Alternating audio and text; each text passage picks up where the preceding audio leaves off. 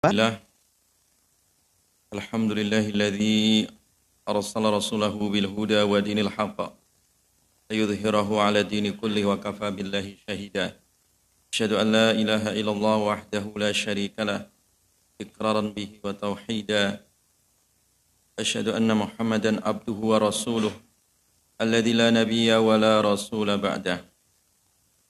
اللهم صل وسلم وبارك على نبينا محمد وعلى آله الطاهرين الطيبين وأصحابه أجمعين ومن سار على نهجهم إلى يوم الدين اللهم انفعنا بما علمتنا وعلمنا ما ينفعنا وزدنا علما Amma ba'du jamaah sekalian, Alhamdulillah dengan karunia dan rahmat Allah kita bisa hadir kembali di majelis Sahih Bukhari.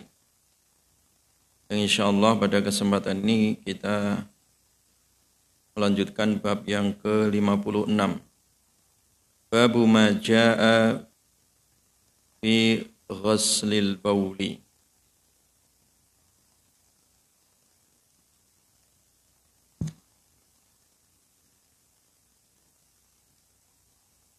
Bab berapa? 56 ya.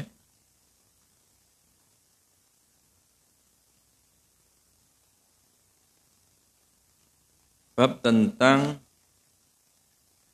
hadis yang datang berkaitan wajibnya me mencuci atau membasuh al-baul ya, fi ghaslil baul, mencuci atau membasuh air kencing ya. Jadi hadis ini nanti menjelaskan dalam bab berkaitan dengan bagaimana adab ya. Adab seseorang ketika buang hajat ya. Baik hajat kecil maupun hajat besar. Jadi Islam adalah agama yang sangat komprehensif, mencakup segala aturan di dalam kehidupan manusia, ya. Yang itu tidak ada di luar Islam dan hanya ada di dalam agama Islam.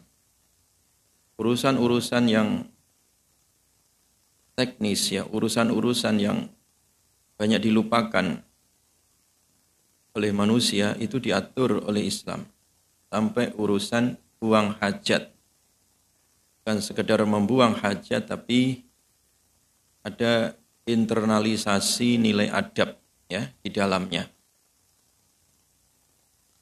Makanya sahabat Salman Al Farisi menceritakan bahwa Nabi kalian telah mengajarkan segala urusan dalam kehidupan. Hatta al khiraah sampai dalam urusan buang hajat dan kencing ya urusan BAB itu diatur ya di dalam Islam. Tayyib. Jamaah sekalian yang dirahmati oleh Allah Subhanahu wa taala. Dalam urusan buang hajat kecil ini Waqala Nabi sallallahu alaihi wasallam li sahibil qabri kana la yastatiru min baulihi walam yadhkur siwa baulin nas Nanti nanti akan disebutkan ada hadis ya bahwa suatu ketika Nabi Shallallahu Alaihi Wasallam melewati kuburan ya. Nah, salah satu di antara kuburan itu disiksa. Penyebabnya adalah orang ini ya penghuninya tidak tuntas ya, tidak beres ya. Dalam masalah urusan apa? Urusan buang hajatnya, urusan kencingnya ya. Nanti akan dijelaskan di dalam hadis itu ya. Maka oleh karena itu, dalam masalah ini penting untuk dijelaskan ya supaya kita semua mengetahui adab dan menjaganya di saat orang buang hajat ya. Taib qala hadatsana qala Imam Bukhari rahimahullah qala hadatsana Yaqub ibnu Ibrahim qala hadatsana Ismail ibnu Ibrahim qala hadatsani Tawkh ibnu Al-Qasim qala hadatsani Atha ibnu Abi Maimunah an Anas bin Malik qal kana Nabi sallallahu alaihi wasallam ini riwayat dari Anas bin Malik. Adalah Nabi sallallahu alaihi wasallam idza tabarraza lihajatihi adalah Nabi Shallallahu Alaihi Wasallam ketika beliau buang hajat ya. Maka ataituhu bima'in kami datangkan untuk beliau air. Fayusilu bihi kemudian beliau mencuci atau membasuh ya bihi dengan air tersebut.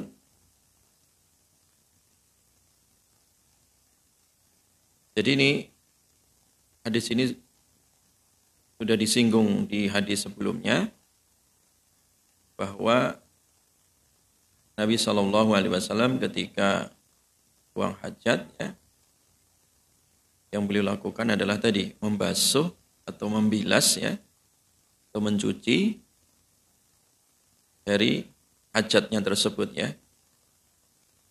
Jadi orang buang hajat, ya, salah satu adabnya dia harus cebok ya pakai air ya. Memang ketemu air.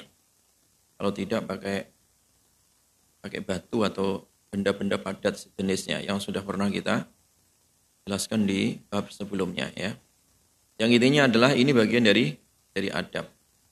Karena kalau orang tidak menjaga adab buang hajat, baik hajat kecil maupun hajat besar, itu nanti dampaknya ke bawah sampai ke alam barzah ya. Nah, salah satu siksa di alam barzah yang banyak mengenai dari manusia itu adalah disebabkan masalah buang hajat ya.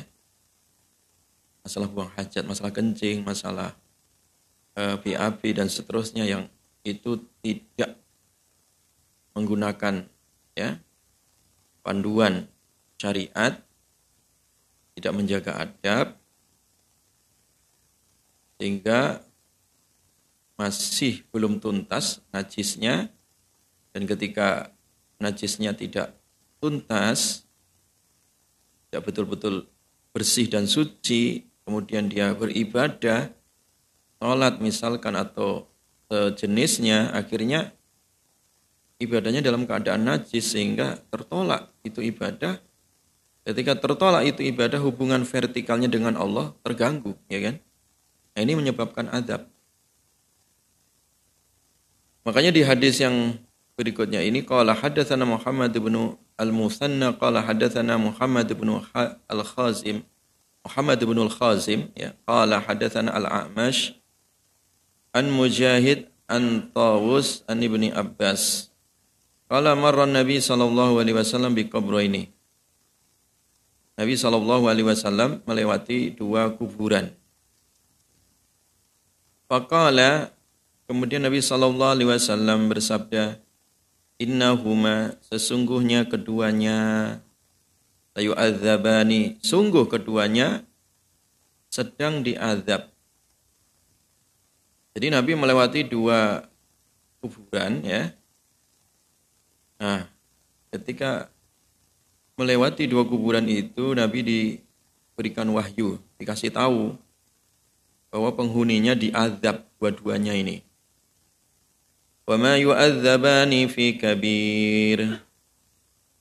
Dan tidaklah keduanya diazab dalam urusan besar ya. Amma akhaduhuma. Jadi maksudnya urusan ini sering disepelekan banyak orang ya. Padahal sebenarnya walaupun kelihatannya sepele tetapi itu dampaknya besar sekali ya di sisi Allah Subhanahu wa taala ya. Jelas ya? Jadi hadis ini ya ikhwah ya, hadis ini itu sama dengan hadis yang sebelumnya ya.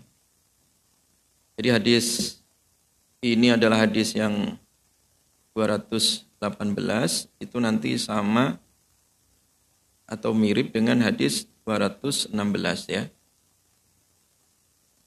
Makanya sekalian kita bahas di dalam masalah ini ya. Jadi orang tadi itu diadab ya dua-duanya. Dua kuburan itu diadab. Ya, di alam barzahnya tentunya ya. Wa ma yu'adzabani fi kabir ya. Wa ma yu'adzabani fi kabir. Ya. Jadi dia tidaklah diazab sebab perkara yang besar ya. Jadi dia menyepelekan urusan urusan yang dianggap sepele padahal itu sebenarnya masuk dalam kategori dosa besar ya. Ya. Salah masalah kencing ya kan, itu kan masalah sepele sebenarnya kan. Salah buang hajat ya. Tapi kalau sesuatu yang sepele kemudian disepelekan tidak dijaga etika adabnya, itu bisa menjadi dosa besar ya. Wa tahsabunahu hayyina wa huwa indallahi azim ya.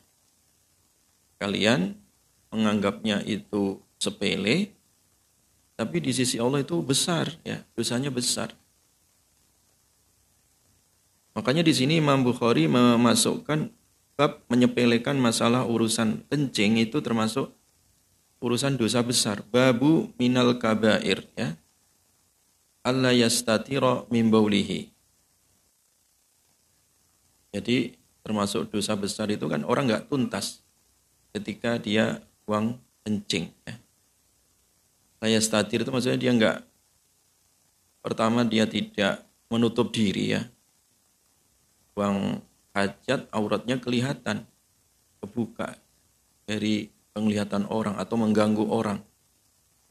Seperti orang kencing pinggir jalan, asal kencing itu bahaya itu ya. Yang disepelekan. Itu namanya layas tatir ya. Jadi dia menyepelekan urusan baul kencingnya. Atau dia tidak melaksanakan buang hajatnya tadi itu ya pada tempatnya Artinya buang hajat sembarangan. Ya, pinggir jalan atau di tempat-tempat keramaian ya, yang itu menyebabkan pencemaran. Itu juga sama. Itu makna juga dia tidak beres urusan buang hajatnya. Atau dia buang hajat tetapi tidak mensucikan diri. Tidak mau cebok, tidak mau istinja, ya, tidak mau istijmar, ya jadi asal aja kencing itu ya, ciprat sana ciprat sini, dia terkena badan dan bajunya, nah kemudian dipakai sholat atau kayak ibadah, ibadahnya akhirnya tertolak ya. Taib. Nah, kemudian Nabi Shallallahu Alaihi Wasallam mengatakan penyebab dari dua kuburan tadi penghuninya disiksa innahuma la yu'adzabani wa ma yu'adzabani fi kabirin amma ahaduhuma. Adapun salah satu dari keduanya tadi jadi satu dari dua kuburan yang disiksa itu ya yang pertama adalah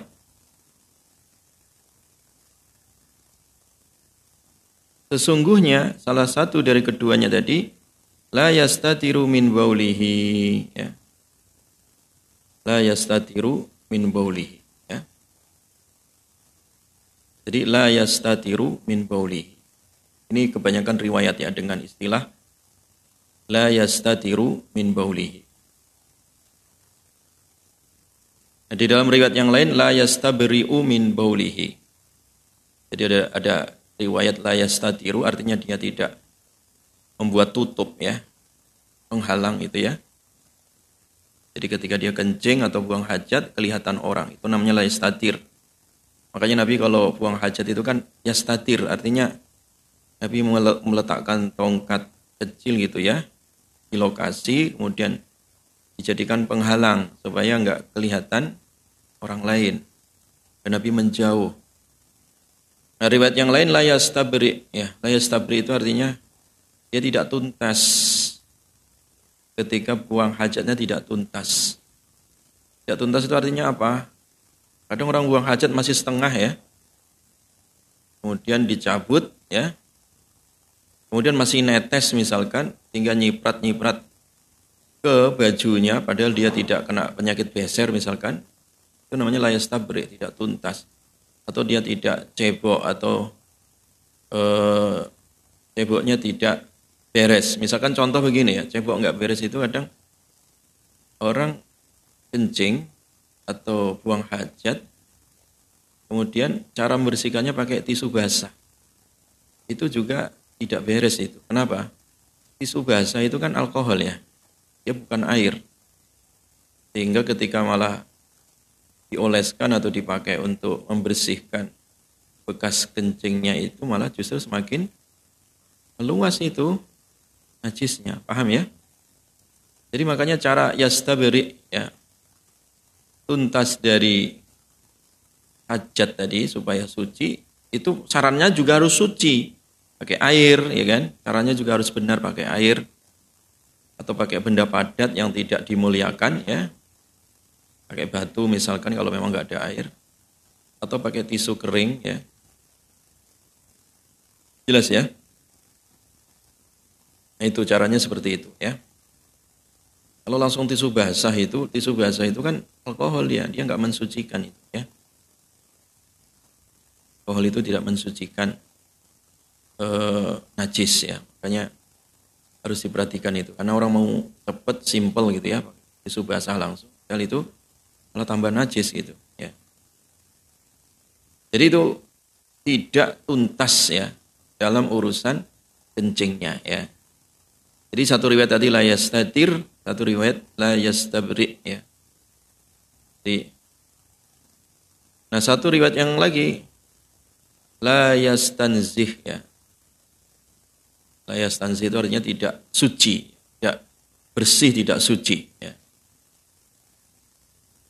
Taib. Riwayat yang lain la yatawakka tidak menjaga. Jadi di sini jamaah sekalian ya, orang tersebut tidak ya beres dalam urusan kencingnya tadi itu memiliki beberapa makna.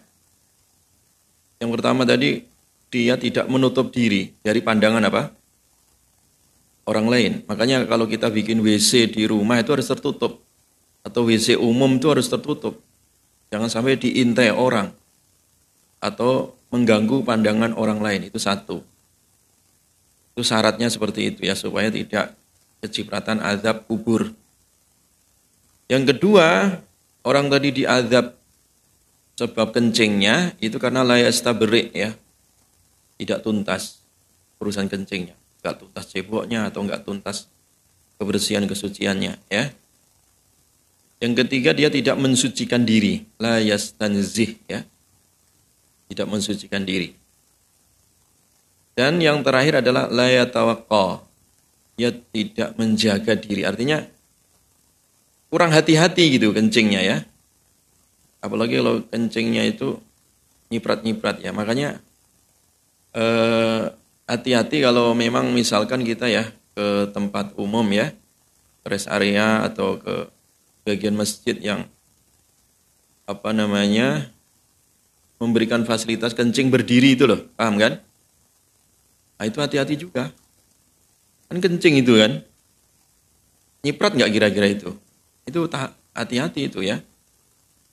Hanya kalau bisa eh, kita memberikan fasilitas kepada jamaah itu sebisa mungkin jangan eh, ketika mereka buang hajat atau kencing misalkan itu nyiprat-nyiprat ke mana-mana gitu.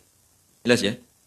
Apalagi kalau orang pakai celana asal kencing gitu sambil berdiri kemudian ada apa namanya itu tempatnya gitu ya kan apalagi kalau kita kebelet itu kan kencingnya kewenceng terus airnya apa balik nyiprat ke celananya. Kan najis itu. Itu yang banyak nggak disadari itu ya. Makanya harus pinter mendesain gitu ya. Supaya nggak nyiprat tuh bagaimana caranya. Ya, baik ahli bangunannya atau ahli yang punya teknologi misalkan ya. Supaya sebisa mungkin kencing itu eh, tidak nyiprat ke celana atau ke baju ya kan. Makanya syarat supaya kencing tadi itu tuntas itu yang pertama dia harus tertutup tempatnya, yang kedua dia harus eh, bersuci ya. Kemudian ya stabiri artinya betul-betul udah long ya, udah selesai, tidak netes sana sini. Yang ke berikutnya adalah dia betul-betul terjaga ya, menjaga diri. Nah ini, ini yang maksud tadi ya. Hadis bahwa orang ini diazab oleh Allah karena la yastatiru minal baul ya. Dia tidak tuntas urusannya gara-gara urusan apa? Kencing ya, dan kencing. Nah yang kedua, jadi hadis 216 dengan 218 sekaligus kita bahas ya. Karena hadisnya bermiripan ya. Yang kedua, Wa kana al-akharu yamshi bin namimah. Dan satunya lagi, wa amal akhar fa kana yamshi bin namimah. Ini orang ya, adalah ia itu yamshi berjalan bin namimah. Bin namimah dengan namimah. Namimah itu suka ngadu domba. Ngadu domba atau ngadu manusia? Suka ngadu manusia. Kalau ngadu domba itu garut. Suka ngadu manusia ya mengadu manusia suka menebar fitnah ya suka menebar apa fitnah gosip ribah dan kawan-kawan itu ya. Jadi alias mulutnya ini tidak beres ya. Lisannya nyelekit ya. Lisannya dipenuhi dengan fitnah. Dia tidak menjaga lisan. Jadi memang dua hal ini yang menyebabkan orang masuk neraka ya karena nggak menjaga kemaluan sama nggak menjaga lisannya tadi. Nggak menjaga kemaluan tuh karena dipakai berzina wal billah atau dia tidak berzina tetapi sembarangan kalau kencing tadi ya. Lisannya dipakai untuk mengumbar fitnah atau menebar atau menyakiti orang lain ya. Dua hal ini jamaah itu penyebab utama ya seseorang disiksa di alam apa? Barzah. Iya, disiksa di alam barzah. Nah kenapa kencing, kenapa namimah? Iya, karena filosofinya begini. Kalau orang itu nggak beres kencingnya, nggak tuntas, hingga problem tadi ya, berarti dia ibadahnya, hubungan vertikalnya itu tidak sah gitu. Kalau orang sholat nih, habis dari kamar mandi dia kencing, ya kan? Cebok sih sudah cebok, tapi tadi kencingnya apa? Nyiprat ke sana kemari, ya kan? Celananya kena kencing, dipakai sholat. Sah nggak sholatnya? Tidak sah, karena syarat sah. Sholat itu harus bersih dari apa? Najis dan hadas tadi. Sehingga hubungan vertikalnya dengan Allah rusak, terganggu, batal. Ya kan? Makanya itu masalah kencing. Ya, masalah sesuci ini kan ditaruh di bab awal dalam masalah fikih. Karena itu toharoh. Ya.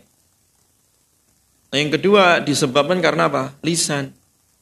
Kalau lisan ini biasanya hubungan sesama gitu. Ya. Jadi hubungan sosialnya rusak gara-gara apa? lisan dia suka adu manusia tadi, ya. Suka fitnah, ya. Nah, kelihatannya sepele ini, kencing dan lisan, ya kan. Padahal dua dosa ini itu merusak secara vertikal hubungan habluminallah dan juga merusak secara horizontal sosial hubungan sesama manusia habluminas. Nah, ketika manusia dua-duanya rusak, hablum rusak, hablum rusak, dan juga hablum alam otomatis.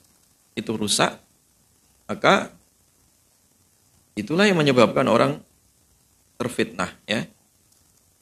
Disiksa di alam apa? Barzahnya. Jelas ya? Jadi hadis ini juga dalil bahwa alam barzah itu nyata. Jelas ya? Kita harus yakin, kita harus beriman adanya alam barzah. Alam barzah itu artinya apa? Alam pemisah antara alam dunia dengan alam akhirat atau disebut alam transit. Jadi setelah kita hidup di dunia ini kemudian mati, itu tidak langsung di akhirat, tapi transit ke alam apa? Zah. Barzah itu artinya pemisah antara alam dunia dengan alam akhirat. Belum akhirat karena belum kiamat. Disebut akhirat itu kalau pasca kiamat dan kemudian dibangkitkan. Nah, itu baru kiamat. Alam akhirat itu. Tapi kalau orang mati ya dan belum terjadi kiamat namanya dia transit di alam barzah. Nah, di alam barzah itu ada nikmat, ada juga azab. Nah, gitu. Salah satu azabnya disebabkan gara-gara apa tadi? Kencing dan gara-gara apa? Lisan. Jelas ya?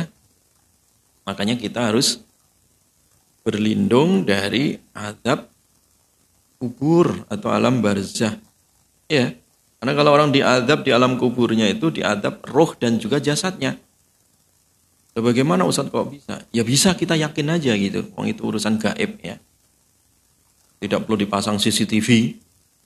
Sekarang kan banyak orang youtuber-youtuber aneh itu ya, orang masang kamera di kuburan supaya kelihatan apa alam barzah ya nggak mungkin Wong kamera itu alam nyata ya kan alam dunia sementara alam barzah itu alam gaib ya nggak bisa alam nyata menangkap alam gaib itu nggak mungkin ya. Tidak perlu di dipasang CCTV di kuburannya ya. Nah, kita cukup berlindung saja kepada Allah. Makanya doanya itu supaya kita selamat dari alam barzah berdoa Allahumma inni a'udzubika min adzabi jahannam wa min adzabil qabri wa min fitnatil mahya wal mamat wa min syarri fitnatil masihid dajjal atau doa ya setelah tahiyat itu Allahumma inni a'udzubika min adzabil qabri wa min adzabin nar wa min fitnatil mahya wal mamat wa min fitnatil masihid dajjal. Yang penting dari empat itu dibulak-balik nggak apa-apa itu doa ya karena riwayatnya juga berbeda-beda ya. Allahumma ya Allah aku berlindung ya. Aku meminta kepadamu ya Allahumma ya Allah ini a'udzubika min adzabi jahannam, berlindung dari neraka jahannam, wa min adzabil qabri dan dari azab kubur, wa min fitnatil mahya wal mamat dari fitnah hidup, fitnah mati, wa min syarri fitnatil masihid dajjal dari fitnah keburukan kejahatan apa? Dajjal. Boleh pakai doa yang seperti itu redaksinya, boleh juga Allahumma inni a'udzubika min adzabil qabri wa min adzabin nar wa min fitnatil mahya wal mamat wa min fitnatil masihid Dajjal itu juga boleh. Yang penting dari empat tadi ya, siksa neraka, siksa kubur, fitnah dunia, fitnah dunia, fitnah mati ya, kemudian fitnah Dajjal. Yang penting empat ini berlindung ya. Nah, Nabi berlindung dari azab kubur berarti ada. Siksa kubur itu ada. Karena ada sebagian orang yang nggak percaya terhadap siksa kubur karena katanya hadisnya hadis ahad. Ya. Walaupun hadis ahad, kalau sahih, kenapa emangnya? Gak ada masalah, gak harus mutawatir. Yang penting hadisnya apa? Sahih. Karena ada sebagian orang kita yang nggak paham ilmu mustalah hadis, ya, tidak pernah belajar mustalah hadis, tidak pernah belajar usul hadis, ya, sehingga dia punya keyakinan bahwa siksa kubur tidak ada. Karena dia mengatakan hadisnya hadis ahad. Kalau hadis ahad, zon. Itu bahaya orang seperti itu ya. Ya gak ngaji hadis itu, yang gak ngaji mustalah hadis ya. Atau malah ada orang yang bikin buku-buku yang aneh-aneh itu ya, ternyata azab kubur tidak ada. Itu banyak sekarang buku yang kayak gitu bestseller gitu ya. Padahal itu menyesatkan. Nah, ahlu sunnah wal jamaah, ahlu sunnah wal jamaah berkeyakinan bahwa azab kubur itu ada, fitnah kubur itu ada, pertanyaan mungkar nakir itu ada jamaah. Ya. Itu hadisnya sahih ya, jadi tidak perlu ragu lagi ya. Dan bahkan Nabi bertawud tadi, berlindung ya. Dan itu sebenarnya ajaran untuk kita semua sebagai umatnya. Bahwa namanya azab kubur itu pasti ada fitnah kubur ada. Pertanyaan kubur ada. Nikmat kubur juga ada. Tayyip. sehingga kita sebisa mungkin mempersiapkan diri supaya selamat dari azab kubur ini dari fitnah kubur ya dengan cara apa tadi membersihkan badan kita dari najis membersihkan dari hajat tadi ya. Dan membersihkan lisan kita dari apa? Fitnah. Namimah tadi ya. Tayyib. Dengan itu insya Allah orang diselamatkan oleh Allah. Nah kemudian ikhtiar berikutnya bacalah istiqomahkanlah baca surat Al-Mulk. Surat apa? Al-Mulk ya. Surat Al-Mulk itu di juz 29 ya tabarakalladzi biyadihil mulku wa huwa ala kulli qadir ya. Itu dibaca itu. Cuma berapa ayat itu? 30 ayat kan? Kecil itu ya. Dan sampai 30 menit ya, paling 10 menit dibaca selesai. Baca tiap malam karena Nabi tidak tidur kecuali baca surat Al-Mulk ya, dan surat As-Sajdah. Baca itu. Kalau itu dibaca syafaat li rajulin hatta ghufirallah dalam riwayat Abu Dawud itu surat Al-Mulk akan memberi syafaat ada seseorang yang membacanya sampai diampunkan oleh Allah. Ya, sampai diampunkan. Surat Al-Mulk akan menjadi lawyer ya, pembela ya, syafaat di alam barzah. Dan bahkan Ibnu Katsir itu dalam tafsirnya panjang lebar itu. Menceritakan tentang keutamaan surat Al-Mulk itu sebagai perisai. Ya, sebagai apa? Perisai dari siksa apa? Kubur tadi ya. Baik. Jamaah sekalian dirahmati oleh Allah. Nah, kemudian yang berikutnya Tumma akhada jaridatan. Kemudian Nabi mengambil jaridah. Rotbah ya, pelapah kurma basah ya. Fasyakkoha kemudian Nabi membelahnya. Nisfa ini menjadi dua belahan ya. Fagoroza ya. Kemudian Nabi menanam ya fikul likobrin pada setiap kuburan wahidatan satu. Jadi ada kelapa kurma tadi di, dibelah jadi dua, ditancapkan di masing-masing apa? Kuburan ya. Qalu ya Rasulullah lima fa'al tahada. Karena ini bagi sahabat agak asing gitu. Kenapa harus kuburan tadi di ditancepin pakai kelapa kurma basah tadi? Apa bertanya, ya Rasulullah, kenapa engkau melakukan ini? Qala, maka Nabi Shallallahu Alaihi Wasallam menjawab, barangkali atau mudah-mudahan yukhaffif yukhaffifu meringankan ya kelapa kurma tadi itu meringankan anhuma dari keduanya. Malam yai basah selama tidak kering ya. Lama apa? Tidak kering. Malam yai basah ya selama tidak kering. Atau riwayat sebelumnya ila an yai basah sampai ia kering. Oh ya jamaah sekalian dirahmati oleh Allah. Nah, Dohir dari hadis ini jamaah bahwa sesuatu yang basah ya dari dari tanaman ya entah itu berupa berupa kurma yang dibasah itu bermanfaat bagi siapa? Mayit itu secara apa? Zohir hadis ini. Dan pendapat inilah yang kemudian ya dijadikan hujah oleh ulama-ulama Syafi'iyah ya.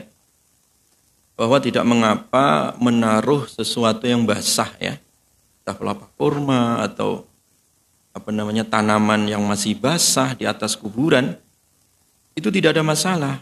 Karena mengikuti sunnah Nabi sesuai dengan dohir nas ini hadis ini. Jelas ya makanya sahabat Tani bertanya ya Rasulullah kenapa engkau lakukan ini ya hadisnya sahih ini supaya kata Nabi mudah-mudahan ia meringankan azab siapa dari dua orang yang disiksa itu selama belum kering gitu. Jelas ya? Nah, ulama-ulama Syafi'iyah jamaah sekalian, ulama-ulama Syafi'iyah itu berpendapat ya, boleh orang naruh apa tadi? Naruh apa? Tanaman atau pelapa kurma basah atau apa saja sebenarnya yang masih basah di atas apa? Kuburan dengan dalil apa? Hadis ini. Ya. Jelas ya? Walaupun ini masalah khilafiyah, ini pendapat pertama. Saya belum menyampaikan pendapat yang kedua. Ini pendapat yang pertama, ya. Nah, misalkan pendapat ini pendapat siapa? Misalkan Imam Nawawi rahimahullah ya, bahkan Imam Nawawi itu ya menyebutkan ya menyebutkan ya, riwayat ya tentang sunnahnya ya mengikuti sunnah Nabi tadi meletakkan apa tadi lapah kurma yang basah di atas apa tadi kuburan yang tujuannya meringankan ya dari penghuni kubur ya itu disebutkan Imam Nawawi ya dalam fikih dan juga dalam arah Muslim juga di, disebutkan ya oleh Imam Nawawi dan juga para ulama-ulama nah, uh, Syafi'iyah ya. Oleh para ulama-ulama apa? Syafi'iyah. Ya. Bahkan uh, misalkan ulama yang lain dari Syafi'iyah misalkan Imam Ar-Ramli rahimahullah ya dalam kitab Nihayatul Muhtaj juga sama ya. Tentu banyaklah kalau yang pernah ngaji di pesantren-pesantren Syafi'iyah itu pasti akan ketemu masalah ini ya. Misalkan dalam kitab Nihayatul Muh muhtaj juga sama ya. Eh, wa yustahabbu wad'ul jarid al-akhdar al qabri littiba ya. Dan disunahkan meletakkan apa tadi? Kelapa kurma yang masih apa? Basah di atas kuburan karena ittiba'ur rasul. Mengikuti sunnah Nabi sallallahu alaihi wasallam. Ya. Jelas ya? Ini pendapat apa? Syafi'iyah. Imam Nawawi, Imam Ar-Ramli, Imam Ashibromilsi, ya, dan seterusnya. Para ulama-ulama Syafi'iyah lah ya. Uh, Ibnu Hajar Al-Makki juga sama ya. Tayyib, jamaah sekalian yang dirahmati oleh Allah Subhanahu wa taala. Nah, pendapat yang kedua pendapat yang kedua mengatakan bahwa ini adalah khususiyah Nabi. Ini adalah apa tadi? khususnya Nabi. Artinya itu hanya berlaku untuk Nabi saja. Karena Nabi tadi diberikan info oleh Allah bahwa itu di diadab. Sementara kita kan nggak tahu ya diadab ataukah tidak. Makanya dimasukkanlah sebagian ulama berpendapat tidak dianjurkan meletakkan sesuatu di atas kuburan. Dalilnya apa? Ya di sini juga, tapi pemahamannya, penafsirannya menganggap ini adalah khususiyah apa? Nabi Shallallahu Alaihi Wasallam. Makanya ini masuk dalam kategori furu'iyah ya. Walaupun ini akidah tapi ini furu'iyah. Masalah terjadi perbedaan apa? Pendapat. Ulama ahli sunnah wal jamaah sepakat adanya azab apa? Kubur. Tapi mereka berbeda dalam masalah kuburan ini. Apakah meletakkan sesuatu seperti pohon kamboja misalkan atau meletakkan bunga di atas kuburan atau meletakkan apa lagi? sesuatu yang basah di atas kuburan bermanfaat ataukah tidak. Nah ini terjadi khilaf. Padahal hadisnya sama. Paham ya maksudnya ya? Makanya salah satu khilaf di antara ulama, terkadang hadisnya sama tetapi pemahamannya apa? Berbeda. Ya, paham ya? Maksud saya itu kalau ada orang mati kemudian di atas kuburannya dikasih apa namanya kembang atau pohon dikasih kelapa kurma, ya biarin aja nggak apa-apa. Oh sebagian sahabat yang lain juga malah berwasiat seperti itu. Ya. Adapun yang nggak mau seperti itu juga nggak apa-apa gitu loh. Biasa aja gitu. Kalau kita seandainya ngaji itu nggak perlu debat di kuburan. Yang gontok-gontokan orangnya baru di kuburan, tanahnya masih merah, berantem di situ. Ya, masing-masing pakai dalil ya malah gaduh di kuburan ya. Nggak perlu seperti itu. Ya. Ini masalah-masalah yang sifatnya apa tadi? Furu'iyah ya, masalah-masalah khilaf di antara apa? Di antara ulama ya. Silahkan yang mau apa pakai kelapa kurma tadi sebagaimana Nabi lakukan. Yang nggak mau juga nggak apa-apa ya. Yang nggak mau juga tidak eh, menjadi salah ya. Jelas ya jamaah sekalian yang dirahmati oleh Allah Subhanahu wa taala. Jadi meletakkan sesuatu yang basah di atas kuburan dari daun atau pohon tadi itu bermanfaat ya. Secara zahir apa? Nas hadis ini. Dan itu dilakukan oleh Nabi. Dan Nabi mengatakan itu bukan kekhususanku juga. Kan tadi sahabat bertanya kan, Ya Rasulullah, lima faal tahada, kenapa engkau lakukan ini? Jawaban Nabi kan umum. Mudah-mudahan, ya kan? Mudah-mudahan apa? Ini meringankan apa? Siksa bagi penghuninya selama belum kering. Ini kan berlaku umum, nggak ada taksis di situ. Ya, nggak ada taksis, nggak ada pengkhususan untuk Nabi. Dan dicontoh oleh sahabat dan pemahaman terhadap hadis ini. Contohnya siapa? Ya. Jadi dicontohkan oleh Buraidah Ibnul Hasib Al-Aslami ya, As-Sahabi. Itu berwasiat kepada anak-anaknya, kepada keluarganya ya. An yaj'ala fi qabrihi jaridatan. Supaya kuburannya itu ditaruh dua pelapah kurma. Paham? Siapa yang berwasiat tadi? Sahabat Nabi, sahabat Buraidah itu artinya berarti memahami bahwa ini tidak kekhususan Nabi Shallallahu Alaihi Wasallam, tapi ini berlaku untuk siapa? Semua umatnya, paham ya? Jadi jangan dibid'ahkan. Nah sebagian teman-teman tuh keras itu yang membid'ahkan orang meletakkan apa namanya pohon kamboja misalnya kan ada kalau di kampung tuh ditanamin pohon kamboja kan atau ditanamin ditaruh apalah gitu yang basah di atasnya ya kalau kita merujuk hadis ini secara zohirun nas ya, tidak ada masalah. Wong itu dilakukan Nabi, dilakukan oleh sahabat seperti bahkan diwasiatkan seperti sahabat siapa? Uraidah tadi ya. Tidak ada masalah ketika orang berpendapat seperti itu. Dan kita juga menghormati bagi orang yang memahami ini adalah kekhususan siapa? Nabi Shallallahu Alaihi Wasallam. Masing-masing punya dalil itu jamaah ya. Gak perlu diperdebatkan. Masalah ini masalah apa? khilafiyah. Masalah apa? Khilafiyah. Jelas ya? Sudah habis waktunya.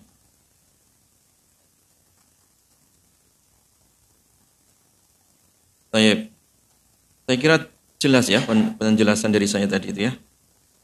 Uh, kemarin kita janji ada yang bertanya ya sebelum tutup. Ada apa pertanyaan Pak kemarin Pak? Ya. Uh, Bismillahirrahmanirrahim.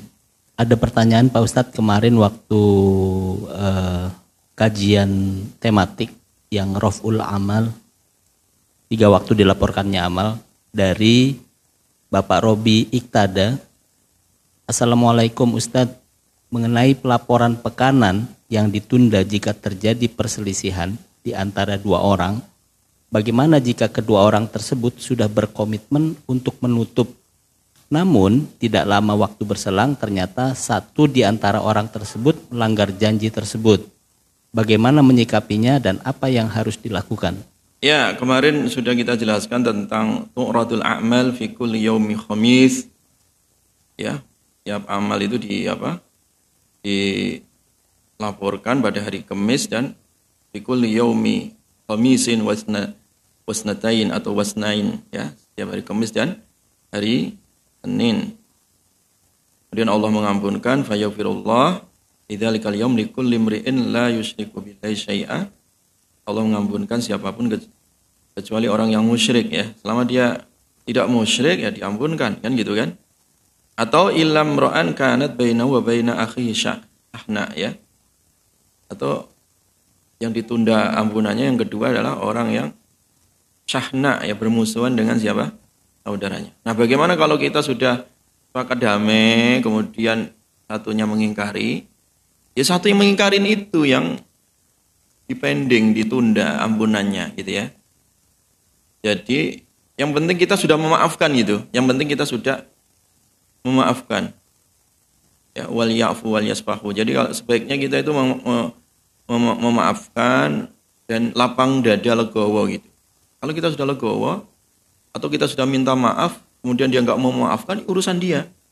Yang penting kita sudah apa? Meminta maaf atau kitanya yang memaafkan itu. Itu nggak nggak kena nggak kena ancaman hadis tadi. Jelas ya? Jadi harus legowo dan harus memaafkan ya supaya nggak terkena ancaman ditunda ampunan tadi. Wallahu a'lam bishawab. Subhanakallahumma bihamdika asyhadu an la ilaha illa anta astaghfiruka wa atubu Assalamualaikum warahmatullahi wabarakatuh.